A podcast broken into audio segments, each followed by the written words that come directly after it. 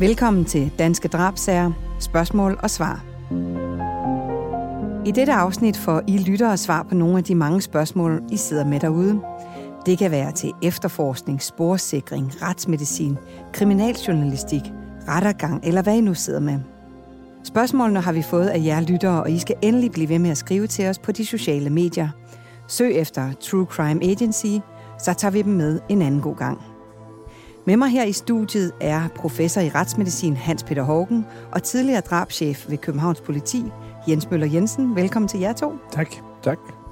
Vi har jo også et par venner, vi kan ringe til og stille de spørgsmål, som I eventuelt ikke kan svare på, eller måske øh, kan de i hvert fald supplere lidt. Mit navn er Stine Bolter, og jeg er kriminalreporter, og det har jeg været i omkring 20 år. Hans Peter Hågen, jeg har et spørgsmål til dig her fra en anonym øh, lytter. Jeg ved, at lugten af et dødt menneske kan sætte sig i for eksempel en seng eller et møbel eller gulvet. Når du arbejder med et lig, får dit tøj og hår så også denne lidt særegne lugt? Øh, ja, det gør det, og derfor bruger jeg aldrig privattøj, når jeg, når, øh, når jeg øh, obducerer eller på en måde undersøger lig. Det er altid med hospitalstøj. Og, og vi har også sådan en lille papirhat på hovedet. Og så har vi jo øh, hvad det vil sige, vi har, vi har jo garderober med, med bad og, og, og bruser. Så bruseren bliver flittigt brugt. Så du, der er ikke noget, der kommer Jeg kommer med? ikke hjem og lugter af lige. Nej, det gør jeg ikke. Godt.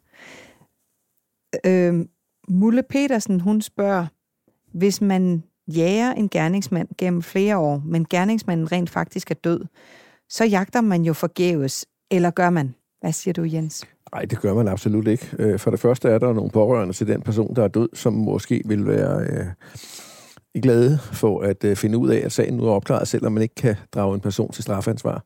Og så sådan øh, øh opklaringsprocentmæssigt er det også vigtigt for politiet selv at sige, okay, nu ved vi, hvem der har, er gerningsmanden til det her. Så man gør jo, hvad man kan for at øh, få, få opklaret sagerne. Men det kan selvfølgelig blive svært at af, øh, få, få det rigtigt dokumenteret, eller det er umuligt, fordi vi har jo ikke rettens øh, til at tage stilling til det, fordi pågældende er død. Så på den måde bliver det jo en anden slags øh, uforløst afgørelse, der kommer, kan man sige. Det bliver sådan mere en intern viden om, at okay, så er det sådan, ikke? Og så især de pårørende, der sidder der. Og så selvfølgelig, at man kan orientere de pårørende om, at vi nu betragter sagen som, øh, som opklaret, fordi, og det kan være, at man har fundet noget nyt DNA eller noget andet, der peger på, for man, for man skal jo være ret sikker på, at det er sådan, for at kunne øh, sige noget objektivt, faktuelt om det. Så er der så med kommet et spørgsmål til mig. Pia Ja. Fris Lorite Antiquera. Jeg håber, jeg udtaler efternavnet rigtigt. Har man ikke det står antikerer? Jo, det gør du nok. tak, Hans Peter. Jeg har lige læst For barnets bedste, og så er der to, fire, seks stjerner. Så to spørgsmål til Stine. Det er jo en bog, jeg har skrevet sammen med Line Holm, og det er en krimi. Et, er der flere bøger på vej? Det er der, kan jeg roligt fortælle. Vi sidder faktisk netop nu og skriver på bind 2, som øh, kommer til næste år. Og øh, spørgsmål 2. Brugte I noget i bogen fra andre drabsager-opklaringer? Og det kan jeg jo, altså til dem, der ikke har læst bogen, så vil jeg jo ikke afsløre for meget her, men, øh, men eftersom jeg jo har været kriminalreporter i 20 år, så er det jo klart, at der er øh, visse ting, som, øh, som er taget fra, fra virkeligheden, og jeg har benyttet mig af alle de herlige fagpersoner, jeg også har omkring mig til, til nogle detaljer. Og så er der også nogle ting, jeg sådan selv har oplevet som kriminalreporter, og, jeg, jeg, øh, og Line har jo selvfølgelig også puttet nogle ting ind. Så noget af det er, er rigtigt, selvom det er fiktion. Men tak for, for, for stjernerne til Pia. Og Ja, og de var velfortjent. tak. Helt enig. Anne Andersen, hun spørger her, det må være til dig, Hans Peter, hvor længe er man død, inden man bliver stiv? Altså, det må være det her dødstivhed. Det var dødstivhed. Øh, og det varierer. Der er det jo altså igen det her med temperaturen i omgivelsen, og som betyder noget. Er det varmt, så sætter det hele hurtigere ind. Forsvinder også hurtigere igen. Men derfor siger man, at dødstivheden, den begynder sådan et eller andet sted. Det er et to til fem timer cirka, efter man er død. Og den er fuldt udviklet efter 10-12 timer. Og så aftager den igen så den er væk i løbet af nogle dage. Hurtigere væk, hvis det er varmt, end hvis det er koldt. Og altså dødstivheden, det er, nu skal jeg ikke gå for meget ind i de biokemiske detaljer her, men det er altså en, øh, en, øh, en kemisk proces, der går i gang i musklerne, som gør, at der er nogle proteiner, der bliver ændret, og de bliver bundet sammen. Og på den måde så, så opstår det en, en stivhed i de enkelte muskelceller. Og, så, og den forsvinder så igen? Den forsvinder igen. Ja. Og den kommer og først den begynder, i... Ja. begynd, begynder faktisk i kæbeleder, og så udvikler den sig nedad hele vejen og ud til tæerne. Og når den forsvinder, så forsvinder den igen samme vej. Så det er altså kæben, der først, skal vi sige, bliver, bliver stiv. Kæbeleder, musklerne her. Det er derfor, nogle bedemænd ligesom øh, lukker munden på. Ja, det der må lukke munden, for det så når dødsstivheden så kommer, så er der altså ikke, at man så ligger med åben mund. Okay. Louise Hasselgren, hun spørger, hvad for en bog vil det være bedst at få fat i, for at blive bedre til at læse og forstå? Der må man mene um, jeres arbejde, tænker jeg, at, uh, man måske, uh, at hun måske mener her. Og uh, ja, I har jo begge to bøger på hylden om, om jeres uh, erfaringer og jeres arbejde og karriere. Ja. Det kunne man jo. Man kunne jo for eksempel læse Jens Møller Jensens Opklaret, som jeg har haft fingrene i. Den, eller? Kunne, man, den kunne man jo starte med, ja. og så kunne man jo også læse en anden bog, som Stine også har haft fingrene i dybt og grundigt, De syv dødsønder, ja. Øh, hvor rejseholdets øh, tidligere drabschef, Bent Isager Nielsen øh, og jeg sidder og diskuterer både sager, vi har haft i fællesskab at være for os, men som end også mange andre ting, som har med live at gøre. Og så kunne, kunne jo vedkommende jo fortsætte med, øh, med min bog Uden for skin solen. Og så er der kommet en ny bog for et par måneder siden, jeg har skrevet sammen med en, en norsk kollega, Cecil Rode, øh, som hedder Med døden på arbejdet, som også giver et indblik i en noget anden del af retsmedicinernes arbejde. Det, der har med verden uden for Valby Bakker at gøre. Ja.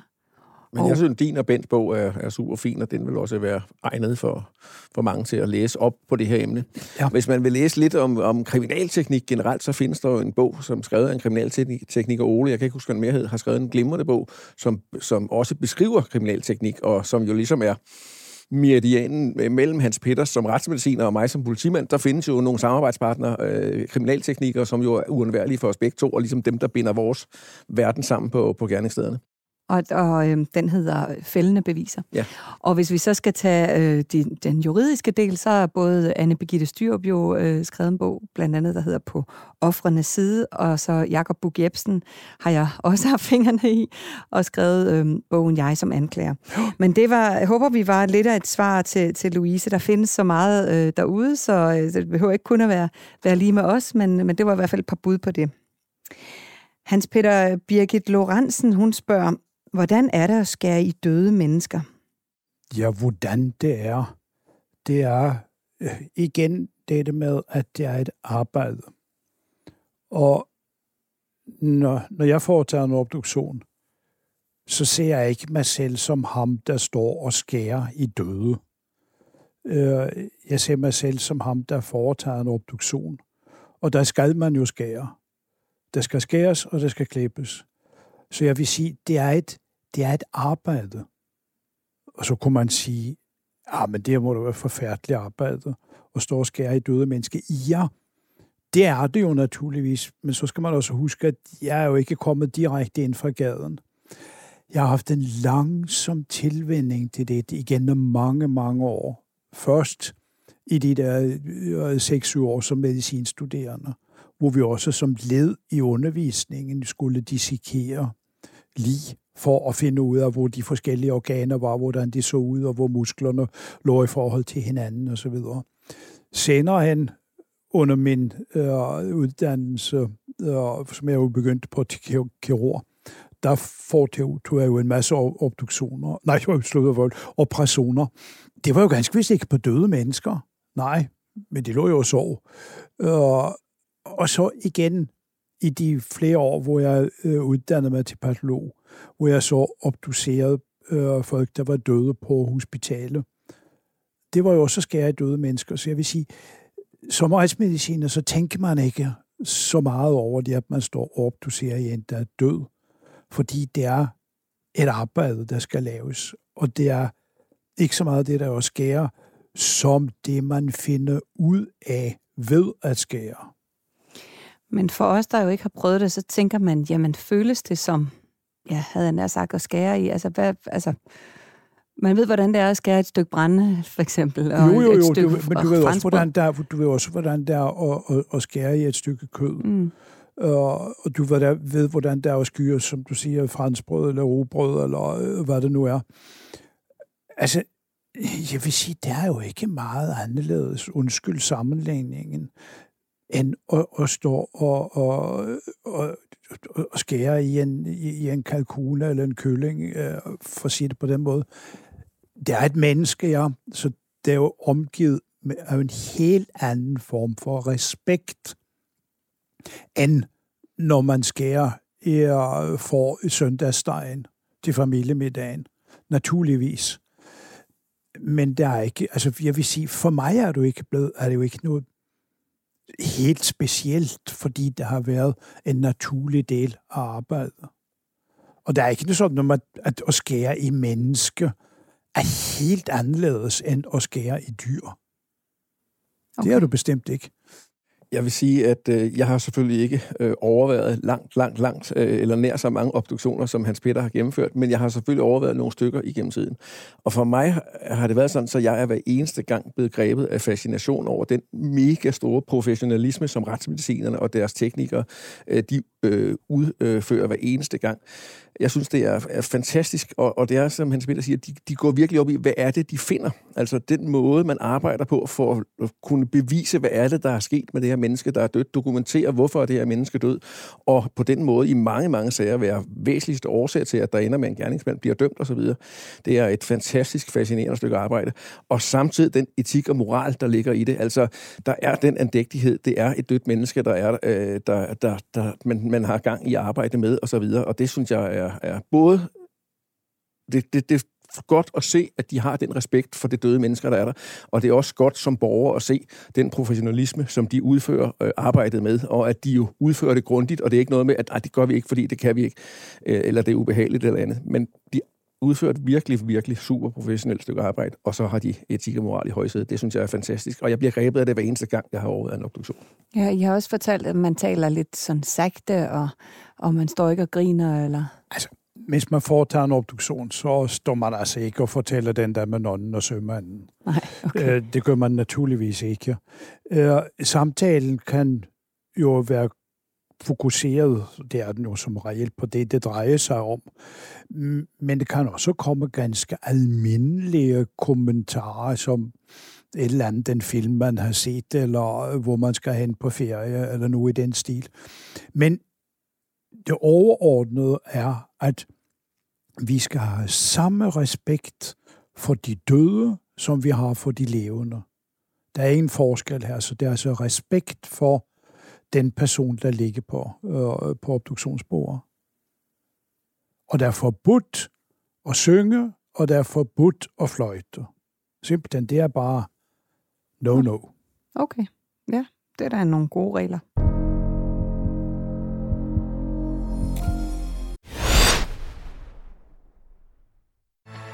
Hej Danmark, Patrik på Gekkas Ullared her. Hvornår har du planlagt din næste tur til Skandinaviens største varehus? På GK's i Ullared kan du shoppe og overnatte til fantastisk lave priser. Hvornår kommer du? Shoppa, bo och umgås på Gekås Ullared. Ej, det er så spændende. Jeg tror aldrig, jeg har haft den her følelse før i kroppen. Bachelorette er tilbage. Jeg går helt i panik. Jeg kan ikke sige det navn, som skal have min sidste rose. Ja, men det er dit værd. Ikke også? Bachelorette lige nu på TV2 Play. Jeg kommer bare til at nyde hvert sekund af det.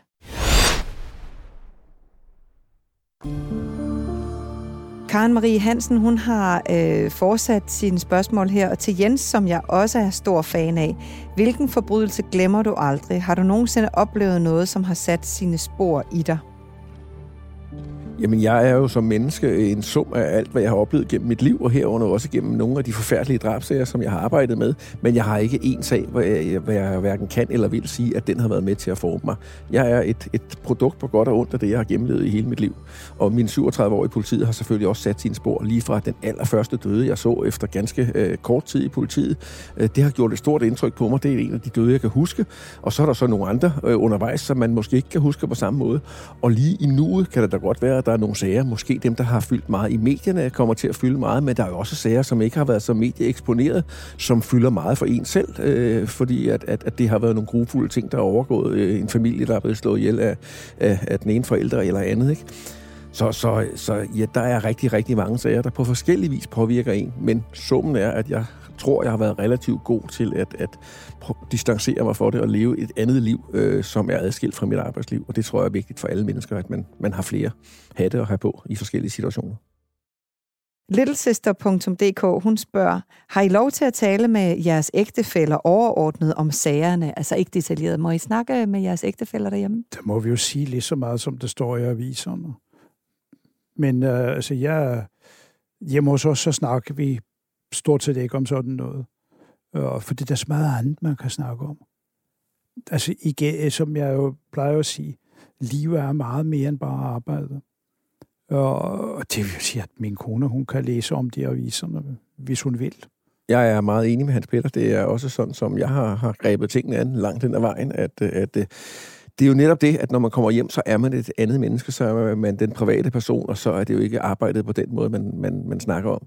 Så der skal det ikke fylde. Det skal fylde på arbejdet blandt kollegaerne, og, og der snakker vi selvfølgelig meget om, om tingene. Og ja, selvfølgelig må vi snakke med vores, øh, vores øh, familie relateret om det, men som Hans Peter siger, det er jo kun det, der har været fremme i offentligheden, vi, vi kan og må tale om. Line Lykke Larsen, hun spørger, hvordan vurderer man vidners troværdighed? Og der tænker jeg, at vi ringer til en jurist medmindre du har noget at sige, Jens.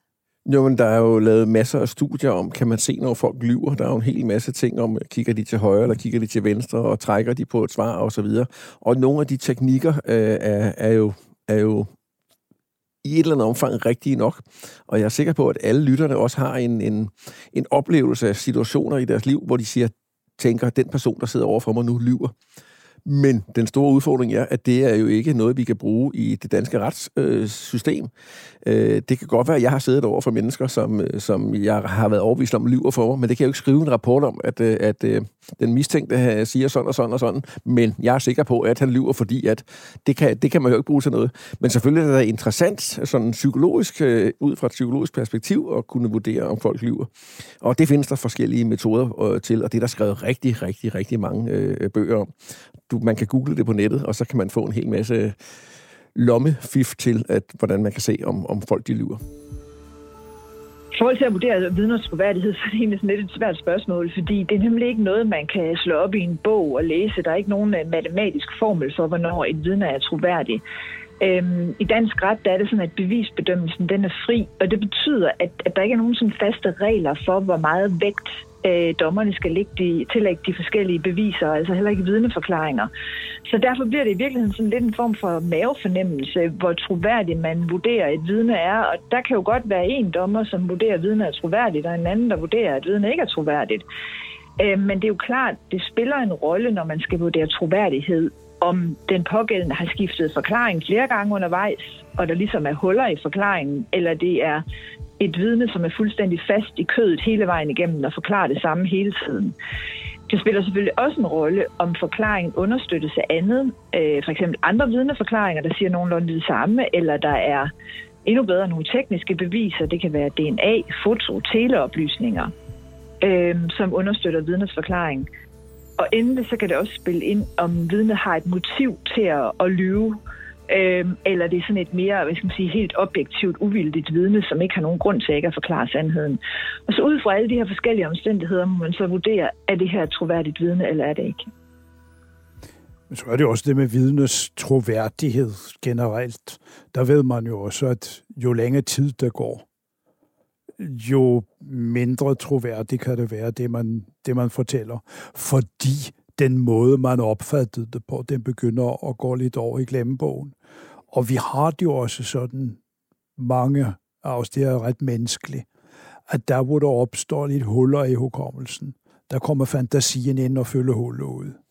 Og jeg tror, det gælder alle mennesker. Øh, det er jo et, et eksperiment, man ofte laver på, på politiskolen også, at man ser nogle små sekvenser, og så skal man bagefter så skal man fortælle, hvad, eller skrive ned hver for sig, hvad der er set. Og også på politiskolen kan jeg afsløre, at der kommer meget, meget, meget forskellige resultater ud af, om der stod øh, fem mennesker på den perron, hvor der lige pludselig blev slukket en ned, eller om der stod to, og om de havde røde farver øh, tøj på, eller gul osv. Øh, politifolk er lige så øh, ringe og lige så gode vidner som, øh, som alle mulige andre. Jeg kan bare sige, fra mange års øh, erfaringer omkring efterforskning, så er det, at folk de oplever situationerne fuldstændig, som Hans Peter siger, meget, meget, meget forskelligt, og de fylder helt klart selv øh, nogle manglende øh, rendringer ud med, med noget, de så er overbevist om, at de har oplevet selv. Jeg har også selv oplevet som journalist, at folk de har set forskellige ting ud af det samme vindue.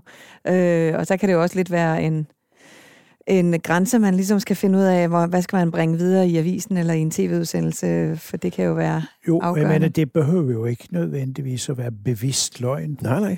Det er bare for forskel i opfattelsen. Og så er det fantasien, der lige fylder hullerne ud, uden at man er løgnagtig af den grund. Og domstolen skal jo nogle gange forholde sig til det, og det må være rigtig, rigtig svært, at der i en retssag har været ført syv øh, forskellige vidner. Det er helt objektivt. De har alle syv været til stede, de har alle syv set det samme, men der kommer nogle meget, meget, meget forskellige forklaringer, også selvom det er helt uvildige vidner, der ikke har øh, nogen, kan man sige, at have parti eller antiparti mod en sag. Øh, og så skal man, og domstolen jo så på en eller anden måde træffe en afgørelse om, hvad er det så, der er sket. Der er en, der kalder sig for instablind. Passer det, at man placerer hjernen i maven i stedet for i kraniet efter en obduktion, fordi den ikke længere kan være, hvor den egentlig hører til, når den er blevet undersøgt? Hans Peter? Når man er færdig med en obduktion, så bliver organerne lagt tilbage i lige. Og det vil jo sige, at der bliver ikke blandet på nogen måde. Det vil sige, person A får sine egne organer tilbage. Og ikke nogen, at man blander organer fra forskellige øh, personer. Det er meget svært, for uden at blive alt for teknisk, så er det meget svært at få placeret hjernen tilbage igen i, øh, i kranier.